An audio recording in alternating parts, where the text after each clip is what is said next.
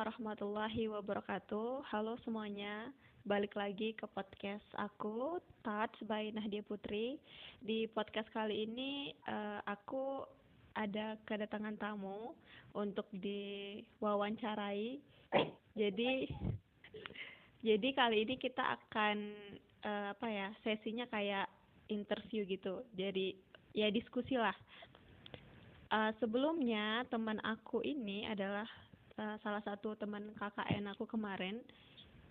Uh, mungkin sebelumnya perkenalan diri dulu, Sol.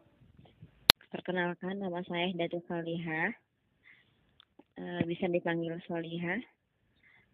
Saya sekarang semester 8 Fakultas Peternakan. Uh, mungkin itu aja ya. Oh, sekarang kegiatannya lagi apa aja nih, Soleha?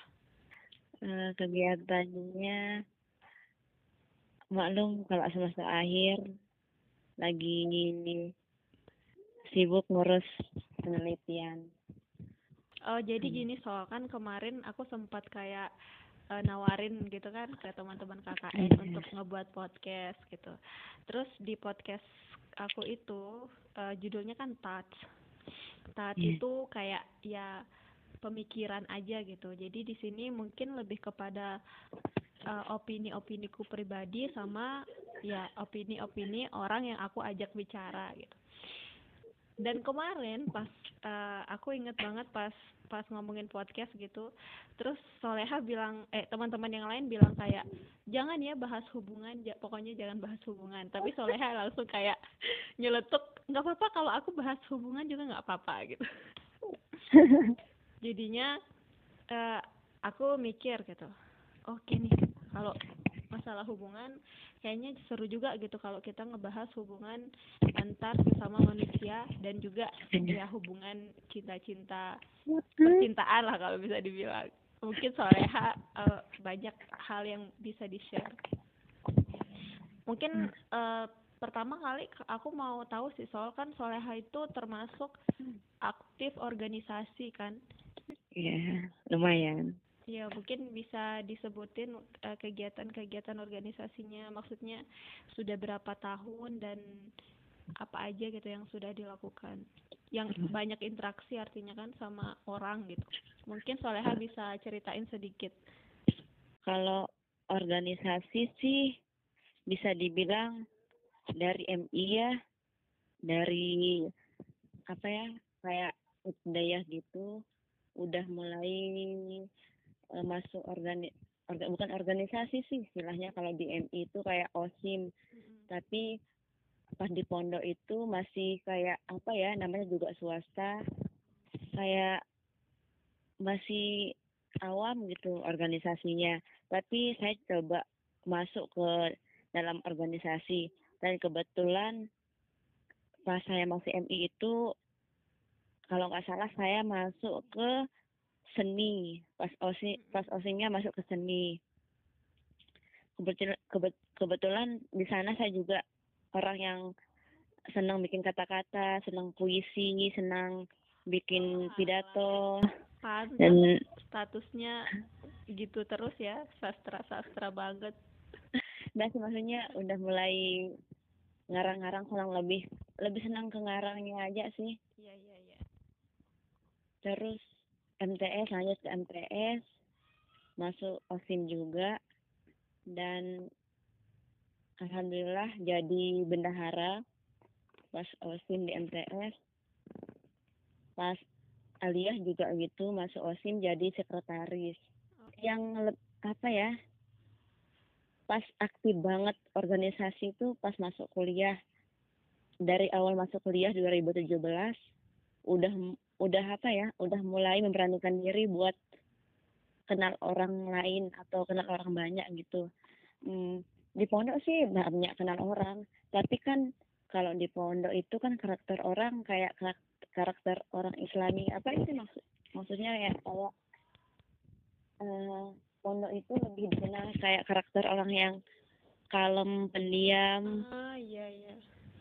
Dan uh, karakternya yang udah saya tahu dari awal gitu yang memang karena itu gitu ya ya yang memang karena yang di pondok itu yang udah saya kenal dari sejak TK sampai saya alias seperti itu. Monoton berarti. Ya, itu itu aja Iya. gitu. Jadi sifatnya udah udah hafal banget. Terus pas awal masuk kuliah 2017 udah mulai memberanikan diri ikut organisasi. Yang pertama saya masuk argumen. Entah apa niat saya masuk argumen yang pasti saya orangnya nggak bisa bahasa Inggris sama sekali. Ah, enggak ah. Bisa. Nggak asli Eh, di pondok dulu ya hanya sekedar ngomong-ngomong aja tapi nggak ngejalanin gitu. Terus mulai ikut temen karena sejak ospek udah mulai so akrab sama orang. Awalnya saya paling nggak bisa mulai pembicaraan, tapi karena mau nggak mau harus harus punya teman, harus nyari teman, ya memaksakan diri buat mulai pembicaraan. Dari ospek udah mulai kenal kenal sama ada temen dekat maksudnya bisa dibilang dekat. Dan kebetulan teman saya itu ngajak buat bukan ngajak sih mak dia masuk ke organisasi formadiksi kebetulan kan saya anak bidik misi dari itu saya udah mulai membaca bagaimana karakter orang-orang di sekeliling saya gitu. Saya nggak langsung ngajak ngomong atau langsung nyapa ndak tapi saya gimana ya? Caranya memperhatikan dulu. Dibaca Gima- dulu gitu ya? dibaca dulu. Gimana sih nanti kalau saya ngajak ngom ngo- ngomong orang ini? Gimana sih karakternya orang ini? Saya saya selalu memperhatikan orang sebelum saya ngajak bicara soalnya saya selalu merasa gini nanti kalau saya tiba-tiba memulai pembicaraan dan karakternya kayak karakter yang tidak saya inginkan saya takutnya saya yang apa ya kayak kecewa kayak ya pikirannya lain nanti Iya, benar-benar. malah negatif seperti itu. Jadi untuk mengenal orang saya perlu untuk memperhatikan untuk tahu dulu bagaimana karakternya seperti itu. Eh, Soleha itu tipe orang yang termasuk orang yang suka ketemu orang gitu di keramaian atau enggak? Awal awalnya sih nggak suka yang rame, nggak suka yang ribut Mm-mm. karena dunia pondok kan agak gimana sepi, tenteram seperti itu. Tapi mau nggak mau karena saya masih ingat kata ketua yayasan saya kalau kita masih membawa sifat pondok apa namanya lingkungan pondok keluar otomatis kita nggak bakal dapat teman kayak gitu.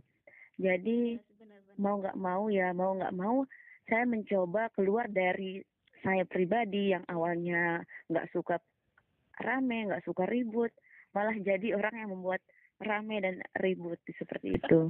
Benar banget. iya bahkan saya kok kadang mikir ini saya nggak sih? Saya selalu bilang ini kayaknya bukan saya saya tahu gi- gimana saya. Saya kalau orangnya nggak mau bicara siapa pun lawan bicara saya saya nggak mau. Tapi kok ya Allah kok gini sih? Kadang selalu mikir gitu. Tapi jujur Sol yang aku lihat dari Soleha walaupun orangnya heboh gitu ya suka bercanda tapi Iya. kelihatan juga sisi kalemnya nggak setiap waktu Soleha heboh gitu. Kalau lagi diem itu kelihatan juga sisi kalemnya gitu, sisi diemnya. kadang sih eh, dibilang teman-teman gitu kayak eh, ada temen cowok sih teman akrab banyak sih sampai dia bilang kayak gini sama teman-teman saya eh, gimana pun kalian mau kalem mau pakai baju ini mau pakai bertingkah laku kayak gini mau sok diam kalian nggak bisa kayak solihah yang benar-benar kalem. Tapi kalau saya sih maksudnya bukan kalau saya sih melihat dari saya emang barbar banget gitu. Udah kayak eh, tahu nggak orang yang udah di penjara selama 14 tahun terus lihat dunia luar yang gini kayak kebela kebab apa, kebablasan lah kayak gitu Tapi mungkin itu cuma dari sudut pandang Soleha aja sih. Jujur kalau aku ngelihat, aku masih ngelihat kok ada kayak eh, sisi-sisi pondoknya Soleha itu masih kelihatan. Walaupun mungkin menurut Soleha, Soleha udah barbar banget. Ya karena mungkin setahu Soleha dulu, Soleha itu nggak yang seperti itu gitu. Tapi sebenarnya nggak barbar banget juga. Iya banget juga sih. Oh iya, Sol. eh, artinya kan Soleha ini aktif organisasi gitu artinya ketemu Iya. banyak orang tentu pastinya ketemu banyak karakter orang yang berbeda-beda Benar-benar. ya Iya. terus aku mau nanya nih Sol ada nggak pernah Hmm. ketemu karakter yang aneh banget menurut Soleha yang aneh gitu Yang aneh banget banyak mungkin pengalaman ketemu karakter yang sangat yang sangat nggak maksudnya yang sangat beda dari yang karakter yang ya karakter yang pernah saya temui sebelumnya. coba diceritakan yang kayak gimana tuh Sol? Kadang eh, apa ya awal-awal kan masih masih awam masih sam- biasanya yang ketemu sama orang kalem yang bahasanya bahasa jujur ya mohon maaf bahasanya bahasa enggih tiang apa bah- halus, halus gitu ya. bagus. Tapi ketika di sini mulai kuliah mulai dengar bahasa yang mohon maaf kurang sopan bahasa hewan dan lain sebagainya. Mulai orang yang bertingkah laku yang sok lemah gemulai manja dan mungkin saya juga begitu. Iya iya. Jujur awal-awal ya Allah kok gini banget? Sampai saya bilang kok gini ya? Ih, muak banget. Maklum mungkin karena orang yang awam jadi kalau pernah melihat orang gitu kebawa emosi aja. Sampai saya bilang ya Allah kok gini banget ya orang ini Hmm. kayak pernah saya sekali lihat ada teman satu organisasi karena saking saya jarak mungkin kurang bergaul sama cowok ketika dia saya lihat bergaul sama cowok saya sampai bilang kayak gini jeleknya saya itu saya pertama selalu nanggepin orang kayak gini ya Allah nggak malu apa dia saya bilang gitu Hmm. nggak malu apa kok gini banget sih ngomong sama cowok sok gini gini kak ngomong gini gini karena mungkin Soleha sebelumnya terbiasanya nggak pernah gitu kan. Iya, nggak pernah lihat yang kayak pernah sih lihat tapi Iya, kebanyakan yang nggak kayak iya, gitu. kayak gitu benar-benar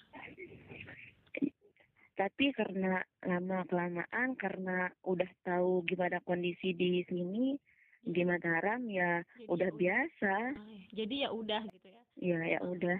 Karakter yang pernah nggak nemu eh, orang gitu yang punya karakter tuh yang Soleha tuh sampai kagum banget gitu sama orang Banyak banget. banyak banget ya Malah jujur karakter yang kayak gimana sih Sol biasanya yang bikin Soleha tuh kayak wah nih orang keren banget gitu eh, ada temen T- TPB Saintek kan Saintek.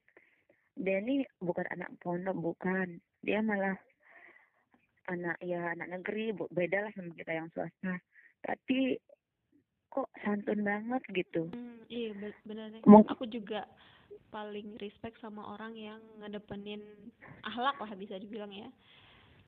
mungkin kalau yang lulusan pondok mungkin kita maklum bisa dimaklumi wajar tapi kalau yang ini Allah dia negeri terus penampilannya nggak uhti nggak siapa nggak apa Tapi kok- banget. ya nggak syar'i banget tapi kok so- santun banget sampai ketika ya kata-katanya baik, per- per- perilakunya baik, dan baik banget di bisa dibilang dia adalah salah satu orang yang paling baik, yang paling baik saya temui di selama saya kuliah di sini. Hmm, Baik banget. Masya Allah. Aku juga paling ini sih Sol, kalau ngelihat orang gitu ya, kalau akhlaknya udah bagus banget tuh kayak ya Allah gitu, kayak ngerasa tertampar gitu loh. Kayak eh aku lebih respect gitu sama orang yang eh, berkelakuan sopan gitu, maksudnya yang yang manusiawi gitu. Karena di zaman sekarang tuh jujur sulit banget nyari orang yang kayak gitu Sol, yang maksudnya yang eh, memanusiakan manusia lainnya gitu yang menghargai banget. ya yang menghargai manusia lainnya. Karena ya emang manusia mungkin punya egonya masing-masing ya. Pengen lebih superior gitu pengen terlihat lebih apa ya lebih bagus gitu daripada yang lainnya. Cuma kan cuma karena itulah maksudnya akhlak itu diperlukan gitu agar bisa apa ya enak gitu berhubungan sama manusia lain gitu. Nggak nggak yang kayak cenderung merendahkan dan sebagainya. Dan aku banyak nemu yang sekarang tuh kayak ya gimana ya ya ya kurang lah kita bilang kurang memanusiakan manusia lainnya gitu. Bener. atau mungkin karena kita udah lebih individualis gitu ya saling-saling cuek jadinya. Tapi ya benar banget. soalnya pernah ngerasa gitu nggak sih yang kayak di ngerasa gitu kayak kok makin ke sini uh, karakter apa karakter manusia itu makin kayak gini banget gitu. Udah banyak nggak memperhatikan perasaan yang lainnya dan sebagainya. Soalnya ngerasa gitu nggak sih? Ngerasa banget. Malah mikir gini kok makin ke sini makin orang makin kelihatan banget ya sifat aslinya gitu. Iya iya benar. Kayak gimana gitu. Malah apa sih sekarang malah nggak mikirin perasaan kita asal asal ngomong yang penting yang penting enak aja gitu iya ya benar tamengnya cuma satu biasanya orang kayak kayak gitu soal ah baperan gitu. Misalkan ya kalau pasti kita gitu. Ya kalau kita maksudnya kalau kita apa ya tersinggung pasti bilang baperan. Padahal mah tinggal minta maaf aja udah sangat mudah gitu kan eh maaf eh gue udah ngomong kayak gitu tadi eh maaf gitu. Segampang itu sebenarnya Benar. tapi tapi memang sulit gitu. Iya. Tapi ya satu kata aja sulit mbak gitu diungkapkan. bener-bener kayaknya emang watak watak watak orang sekarang. Mungkin aku juga tanpa sadar sih soal tanpa Iya. sadar juga mungkin kayak eh, lebih ini sama orang lebih nggak terlalu respect orang gitu. Lebih kayak gimana ya ya tapi semoga kita selalu inilah ya maksudnya selalu ngingetin diri gitu buat Iya, di Islam juga kan emang akhlak itu yang nomor satu. Utama ya. bahkan daripada ilmu sekalipun gitu. Percuma gitu ilmunya tinggi kalau akhlaknya nggak bener nggak ada gunanya kan. Benar banget. Ya kita nggak tahu mungkin kita lebih buruk daripada orang yang kita anggap buruk gitu. Benar benar banget. Iya benar deh. Menjudge orang itu sungguh sangat apa ya nggak worth it lah kalau bisa Hmm. dibilang saya selalu mikir gini kalau misalnya ketemu namanya juga kita eh bersosial ketemu orang banyak saya selalu mikir gini kalau misalnya ketemu orang yang sifatnya memang nggak saya suka saya selalu mikir gini mungkin sayanya aja yang nggak bisa mengontrol diri saya menanggapi sifatnya dia saya selalu mikir gini Hmm. mungkin dia bisa aja emang udah Iya. karakternya tapi mungkin sayanya aja yang berlebihan. Saya selalu mikir gini mungkin saya selalu mencoba menyalahkan diri sendiri gitu. Sebelum saya menjudge ya. Tapi walau walaupun begitu kadang ya kita selalu bilang kok dia gini sih? Iya kok sifatnya gini sih? Gitu. Iya, iya, saya selalu ketawa kok gini? Padahal saya berusaha mencoba. Untuk Oh, mungkin gitu. ya mungkin dia gini karena saya yang gini. Mungkin saya yang eh, kurang kurang baik atau gimana. Tapi ada suatu ketika ketika kita selalu bilang tanpa sadar kita selalu bilang dia gini ah dia kok dia gini sih sa- sama saya? Gitu. Kadang kita selalu gitu itu yang selalu bikin saya ketawa ya Allah Ah, kok gini banget. Kita nggak bisa baik yang lurus yang lurus aja baik. Iya selalu aja kita ngungkit-ngungkit kesalahan orang gitu. Iya benar iya karena itulah kita manusia mungkin ya soal iya artinya kita banyak hilafnya juga. Karena mungkin kita juga punya perasaan gitu jadi wajar. Iya cuma kalau aku ngelihat soleha yang menyalahkan diri dulu diri dulu tuh oh berarti emang soleha udah pinter gitu ngatur egonya. Egonya sendiri. Kadang sih menyalahkan orang lain juga tanpa sadar. Nggak sadar. Iya wajar juga sih kalau menurutku Sol. Hmm. karena apa ya? Ya karena tadi karena kita juga manusia ya punya perasaan. Iya. Cuma sekarang ya balik lagi lah. Gitu kalau emang kita mau ditreat baik sama orang gitu kita juga harus nge-treat baik ke orang gitu sih. Itu sih yang aku percayai gitu. Jadi mungkin kalau ada orang misalkan yang nge-treat aku buruk atau sebagainya oh mungkin aku juga kurang baik nih sama mereka gitu. Makanya mereka seperti itu gitu terhadap aku. Iya sih. Ya ya sih ujung-ujungnya dibalikin ke diri kita sendiri. Kita sendiri. Introspeksi masing-masing gitu. Ya kita tabayun dulu. Iya, masya Allah bener. Nah, terus nih masalah lanjut, udah kan Iya. masalah hubungan sesama manusia udah. Terus hu- hubungan cinta-cinta nih kayaknya Soleha tuh paling paling ini deh. Dari kemarin ya aku nggak apa-apa hubungan cinta-cinta juga oke gitu. Jujur ya kenapa saya selalu jawab nggak apa-apa nggak apa-apa? Soalnya gini apa sih yang mau saya bagikan? Sedangkan saya tidak pernah jujur nggak pernah pacaran. Ah. Tapi kalau pernah suka hampir sih, tinggal su- nikah. Oh kalau itu sorry kalau suka sih wajar pernah banget suka sama orang. Dan orang suka sama saya pernah. Oh, tapi untuk menjalani status yang kayak pacaran komitmen belum. Insya Allah semoga masih dijaga. Belum atau emang memilih untuk tidak? Saya sih jujur memilih untuk tidak. Memilih untuk tidak alhamdulillah. Masya Allah. Semoga istiqomah ya. Amin oh iya aku mau nanya sih menurut Hmm. Soleha walaupun misalkan Soleha nggak pernah pacaran ap- a- Iya. artinya minim lah gitu ya minim pengalaman gitu dalam hubungan yang kayak gitu. Menurut Soleha orang suka sama cinta itu beda nggak? Suka sama cinta. Beda banget kalau menurut saya. Kalau orang suka itu saya bisa suka sama semua orang. Ah tapi saya nggak bisa cinta sama semua orang. Cinta itu lebih ke respect lebih ke apa ya? Ada khusus ada niat khususnya gitu kalau cinta. Bukan niat khusus untuk memiliki atau bagaimana. Tapi cinta itu lebih ke apa ya? Lebih ya lebih ke respect lebih ke mengutamakan pri- prioritas gitu kalau cinta. Kalau suka ya kita bisa suka sama siapa pun. Kita emang kita harus suka sama semua semua orang kalau saya sih tapi kalau cinta itu eh, Beda apa ya ya. ada ya beda banget. Cinta aku boleh nanya nggak kalau emang mau dijawab jawab. Kalau ya nggak apa-apa.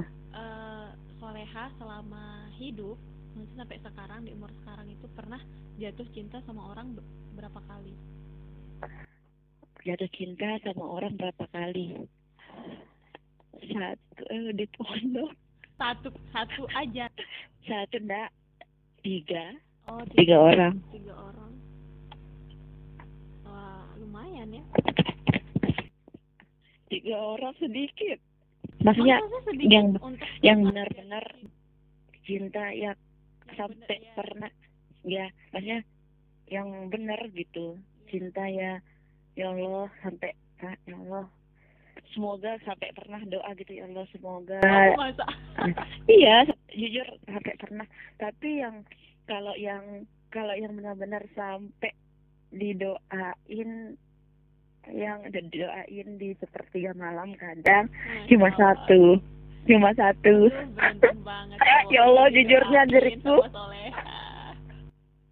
jujur jujur cuma satu saya itu orang yang paling sulit buat suka sama orang dan kalau suka sama orang itu saya kurang ajar apa namanya nggak tahu diri gitu sukanya sama yang levelnya atas atas aja gitu Alah, cuy, soal kalau aku ya, kalau aku ngelihatnya ya, aku ngelihatnya nggak kurang ajar soal karena menurutku kalau orang jatuh cinta itu nggak ada alasannya gitu loh. Ya udah kita cinta ya karena kita cinta aja gitu. Maksudnya kita nggak bisa milih Sol. Maksudnya kita cinta sama ini atau cinta sama ini gitu.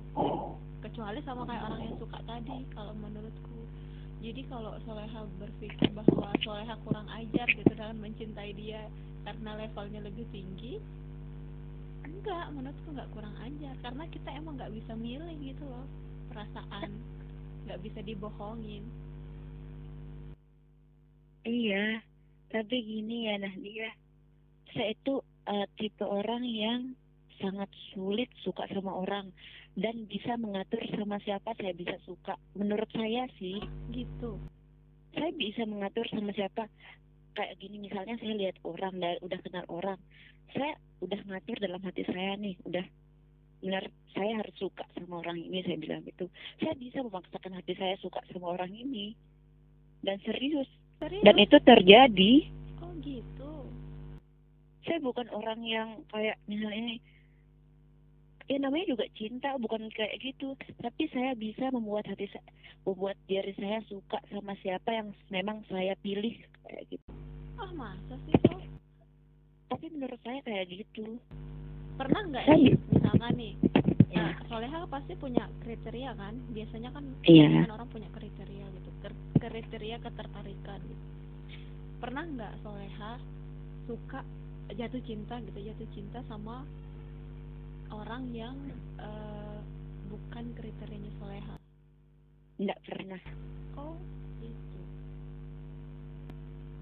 Nggak makanya pernah. ya wajar sih kalau Soleha bilang Soleha bisa ngatur orang yang Soleha suka atau enggak Iya, mungkin teman-teman yang lain selalu bilang ini, kenapa sih bisa suka sama ini? Kenapa sih, kenapa sih nggak sama yang lain? Jujur ya, jeleknya saya itu selalu bilang ini, ah lebay. Saya selalu bilang gitu. Apalagi teman dekat saya kalau dia curhat cerita, kadang mereka bilang, ih Sol, ih kenapa sih bisa suka sama ini? Ih, saya bilang, lebay sekali kayak gitu. Kita bisa ngatur perasaan kita perasaan kita sendiri kalau menurut saya saya bilang kayak gitu saya bisa mas- memastikan hati saya suka sama siapa gitu suka sama orang yang udah benar-benar saya yang pilih gitu. kayak gitu. Jadi saya juga heran. Aku jujur baru nemu loh orang yang kayak maksudnya yang kayak soleha. Karena jujur emang- gitu. karena emang diskusi-diskusi masalah kayak gini tuh aku jarang sih memang. Cuma yang aku percayai adalah kalau orang jatuh cinta itu ya emang tanpa alasan aja gitu. Bahkan pun kita bisa mencintai orang yang bahkan tidak kriteria kita gitu atau sangat jauh gitu dari kriterianya kita. Mungkin Soleha belum di fase itu kali makanya merasa Soleha bisa mengatur nih Soleha Soleha bisa jatuh cinta sama siapa. Gini bisa jadi. Tapi kadang gini nanti kadang makanya saya bilang tadi saya nggak terlalu kurang ajar gitu. Kadang orang yang saya pilih itu orang yang memang levelnya itu jauh dari saya. Makanya saya bilang kenapa sih eh, kadang saya juga bingung sama sama diri saya sendiri. Kalau memang yang membuat cinta itu maksudnya saya sendiri kenapa pas di tengah-tengah pas di akhir saya selalu selalu ada penyesalan kayak gini. Kenapa sih saya sukanya sama orang ini? Saya bilang gitu. Nah.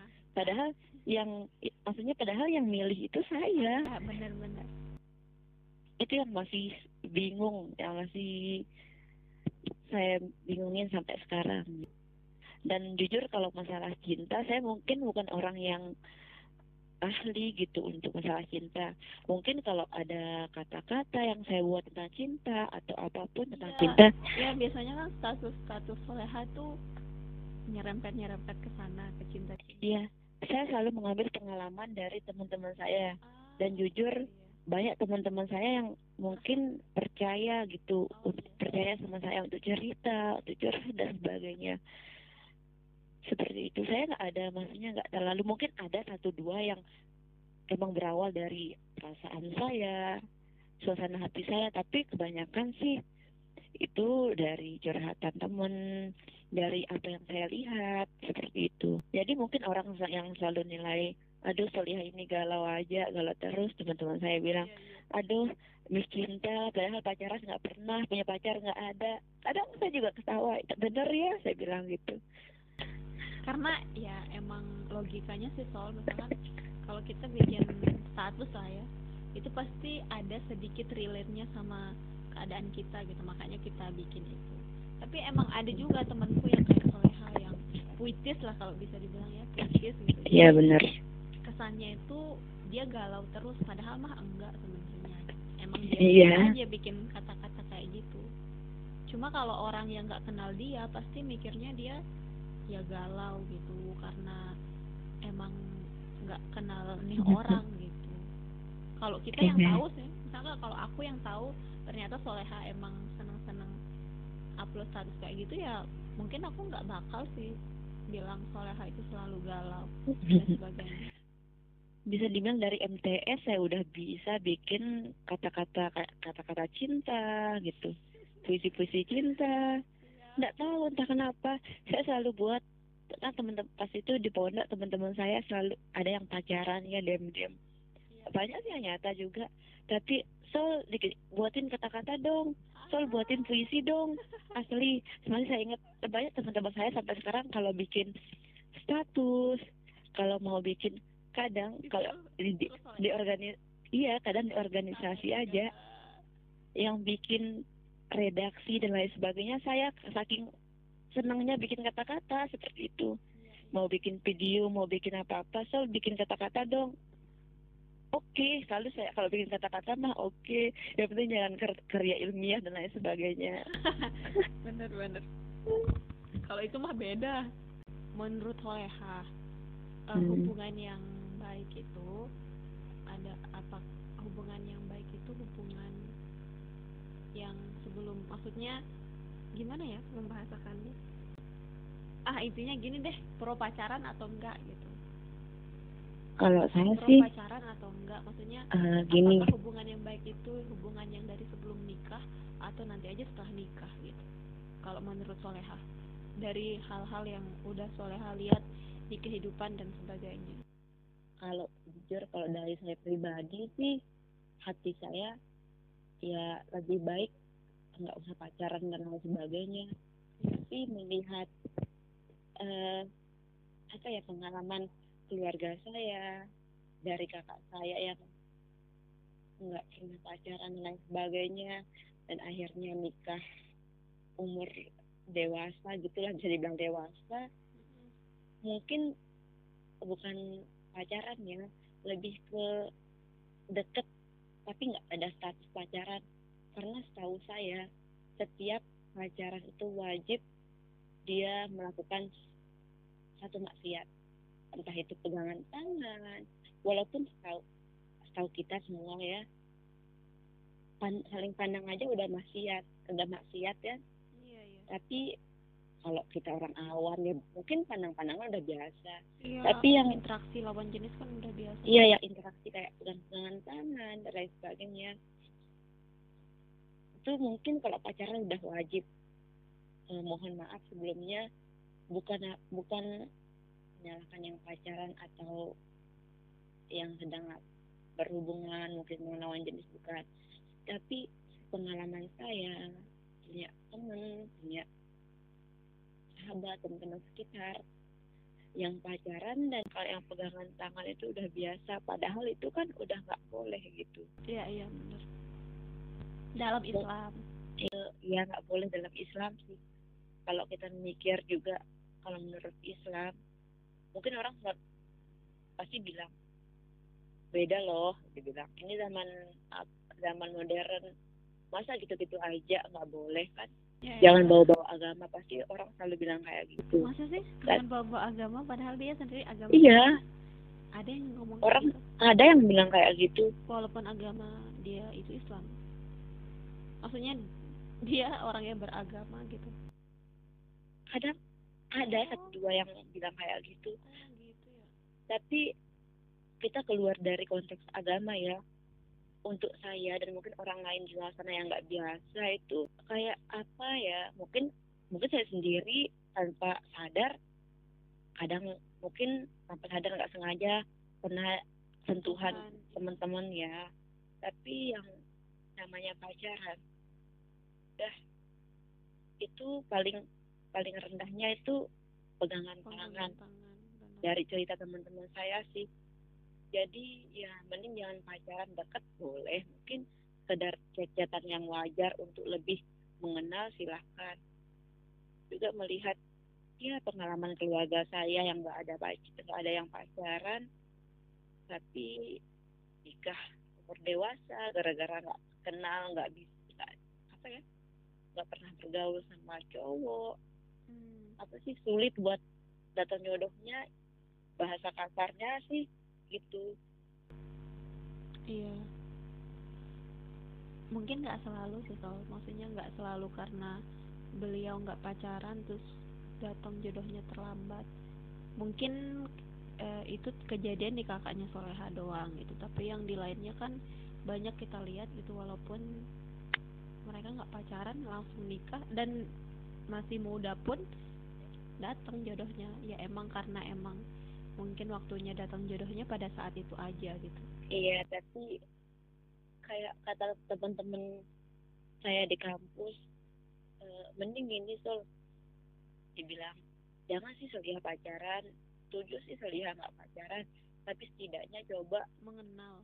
mengenal gitu. Bilang saya sih jujur batin saya sih nerima aja pendapat ya, teman-teman saya. sih kalau mengenal itu harus Islam pun juga kita nggak di ini kan maksudnya ya orang langsung nikah itu ya nggak langsung nikah gitu pasti ada proses pengenalannya dulu nggak mungkin kan langsung nikah ujung-ujung ya, gitu. Makanya ada namanya ta'aruf itu kan. Cuma aku nggak tahu sih aku emang belum concern ke sana gitu aku nggak tahu orang ta'aruf itu seperti apa gitu. Apakah boleh yang sampai tahu dalam-dalamnya maksudnya yang tahu lebih banyak gitu aku nggak tahu. Cuma kalau dari pandangan aku nih soal uh, terlepas dari agama dah ya terlepas dari agama menurut aku uh, benar tadi aku lebih baik memilih untuk mendingan setelah nikah aja. Ya benar karena ya kata Soleha tadi kalau orang pacaran minimal lah pegangan tangan minimal pegangan tangan terus kemudian berlanjut ke selanjut selanjutnya karena yang yang aku tahu dan yang pernah uh, soalnya kan pernah ikut organisasi PIKM kan iya benar ya PIKM di Unram. Itu aku masuk itu tuh kebuka banget pemikirannya tentang seksual gitu tentang maksudnya hal-hal yang berbau seksual seperti itu. Dan ternyata udah banyak gitu yang maksudnya yang kons yang konseling masalah mereka ya uh, having sex lah bisa dibilangnya sama pacarnya terus kayak pacarnya meninggalkan mereka dan sebagainya.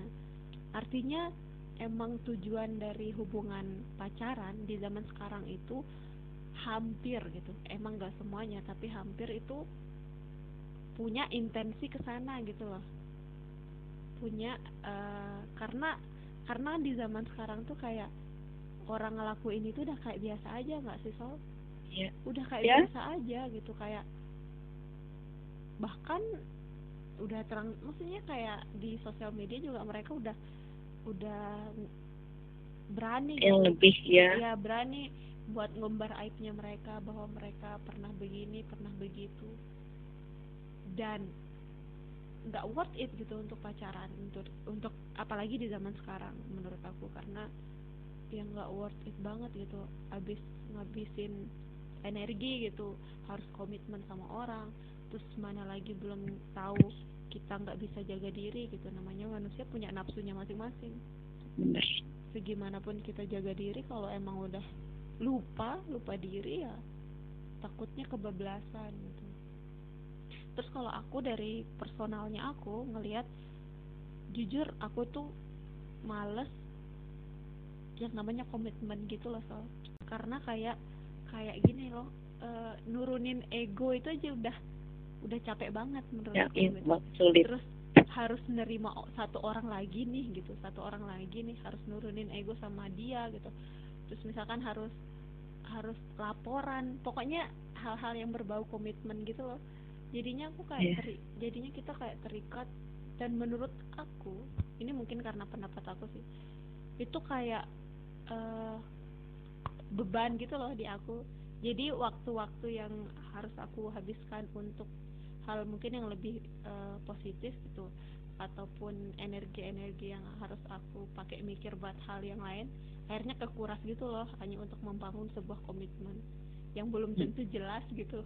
Jadi kayak tapi mungkin karena aku juga nggak bisa nyalain sih orang-orang yang udah pacaran gitu. Mungkin karena kita belum ngerasain aja kali gimana uh, gimana rasanya mereka pacaran gitu loh. Yeah. jadinya mungkin tapi itulah menurutku jebakannya gitu loh. Biasanya kalau orang udah cinta gitu udah pacaran bakal Apa pun buta lakuin. asli. Bakal buta jadinya bener, kayak apa pun mau dilakuin. Iya bener bener banget. Jadi kalau di aku sih aku nggak pro ke sana karena kayak masih banyak urusan-urusan yang lain gitu yang perlu energi dan waktu kita untuk kita lakuin ke arah sana gitu bukan ke arah pacaran dan sebagainya. Preferensi orang mikir beda-beda kali ya. Cuma mungkin di sini kita mau share gitu kenapa kita memilih untuk tidak pacaran. Soalnya mungkin mau menambahkan. Nanti percaya cinta dalam diam nggak? percaya cinta dalam diam percaya. Mungkin apa ya menurut menurut saya itu lebih asik loh. Walaupun kelihatannya ki- kita yang cinta sendirian gitu, oh cinta yang kayak bertepuk sebelah tangan. asiknya itu gimana? Gini, kalau menurut saya kita lebih akrab interaksi sama Tuhan. ah masya allah Kita suka sama orang nih, pasti kita saat ya Allah. Walaupun sisi negatifnya banyak, sisi negatifnya ya dia selalu kita pikirin gitu. iya Tapi tergantung kita bisa meng- mengkondisikan hati kita dan pikiran kita gitu. Tapi benar-benar asik ya cin- namanya cinta dalam diam itu. oh ya terakhir mungkin soal aku pengen tahu impresi soleha ke aku itu kayak gimana sebenarnya? Sedikit aja Ini nih jujur. Awal ketemu Nahdi. Nggak apa-apa jujur. Jujur banget. Kok jutek? ketemu. Jutek banget jutek. Pertama tahu kan pertama kali maksudnya agak orang yang nggak bisa bergaul sama saya saya udah pernah nggak. Nahdi lihat Nahdi lihat saya memperhatikan Nahdi aku malah mikirnya Soleha itu Soleha itu nggak memperhatikan aku tapi kayak mengirimkan kode sesuatu ke aku gitu oh jutek Jadi- ya aku jutek ya pertama kali iya pertama kali emang jut- jutek sih saya bilang. Tapi jujur saya kan selalu paling sering saya perhatikan apa pun itu Nahdi teman saya walaupun salah satu teman deket. Tapi selalu saya kebanyakan saya perhatikan Nahdi mulai dari makan ngomong jalan. Banyak ya dari pergerakan Nahdi gerak-gerik. Nahdi yang Sumpah Allah. observasi banget. Eh, Iya, paham karena- saya mengenal orang itu harus baca dulu karakternya gitu. Tapi yang Soleha Dan- lihat dari aku setelah 45 hari bersama ternyata orangnya nggak sejutek itu dan jujur Hmm, enak banget. Sama persis yang kayak nah dibilang kayak kita sefrekuensi gitu. Iya. jutek-jutek gimana gitu tapi bisa lah mengkondisikan diri menempatkan diri itu kita di mana gitu. Yaudah Sol, kalau gitu terima kasih banyak atas oke. waktunya, atas waktunya udah mau sharing bareng kita di podcast aku. Halo di podcast Pat by Nahdia Putri. Em, makasih kembali ya, semoga segala kegiatannya lancar terus, amin kegiatannya juga lancar terus, cepat wisuda dan sebagainya. amin dan lah dia juga Soleha sehat selalu. amin Allahumma amin Amin ya robbal alamin. Thank you Sol. Eh, oke sama-sama you udah mau mampir ke podcast aku. Mungkin Siap. kita kita akhiri aja dulu ya. Oke Terima kasih teman-teman yang udah mendengarkan kita. Uh, see you on the other podcast. Dan bye. Wassalamualaikum warahmatullahi wabarakatuh. Waalaikumsalam